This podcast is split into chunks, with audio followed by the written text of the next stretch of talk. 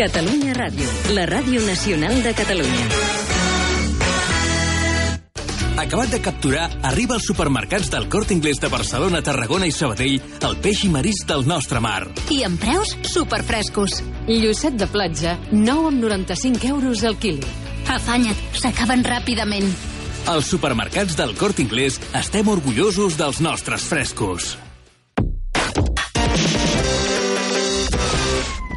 Actualitat al Camp de Tarragona i les Terres de l'Ebre, que comencem avui parlant del nou empat del Nàstic a la Lliga. Empat a 0 ahir del Nàstic contra el Saragossa al nou estadi. Els de Vicente Moreno van tornar a millorar el seu nivell i la imatge general, però continua sense aconseguir la primera victòria de la temporada. Era un partit important i necessitàvem la, la victòria, no? I, i no ens ha arribat, però, però bueno, en un partit com el d'avui jo crec que l'equip ha, ha fet mèrits suficients, més que suficients per a, per a guanyar-lo, ha fet ocasions eh, suficients per a, per a guanyar-lo i, i, i ante un rival important de la, de la categoria, no? Com dic, tinc que felicitar a Suados pel, per l'esforç, no era fàcil en la situació que està l'equip eh, i han fet un bon, un bon treball i res, animar a l'equip a que, que continuï en aquesta línia. El pròxim partit del dia del Nàstic serà dissabte, que ve al camp del Còrdoba.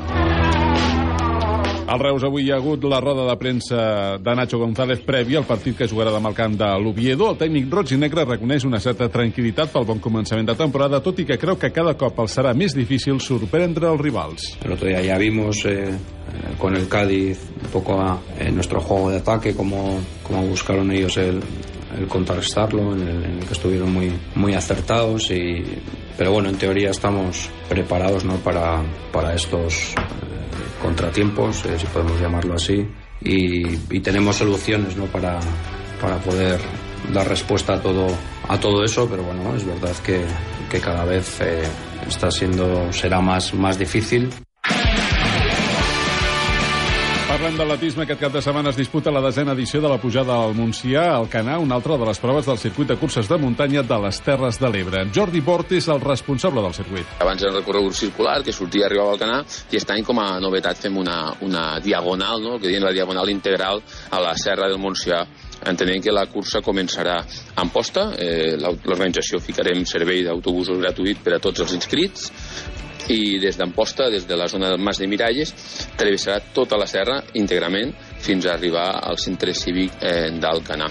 Avui es tanca el termini d'inscripció de la cursa, una prova on el nivell tècnic és exigent, no tant pel desnivell positiu, més aviat pel circuit en general. Però sí que alguns eh, corredors, així més puntes, que l'han provat, algun provat algun tram, eh, diuen que esperen sorpreses eh, perquè la, el tram eh, que de cresta, la dificultat tècnica, l'alt percentatge, molt important, l'alt percentatge de senders eh, fa que no sigui una cursa eh, tan corredora com a millor alguns preveien. I un apunt de bàsquet, aquest vespre juga un partit ben especial a casa nostra. El Club Bàsquet L'Arbós ha organitzat un amistós entre el Sant Adrià i l'Uni Girona, un dels millors equips de la Superliga femenina.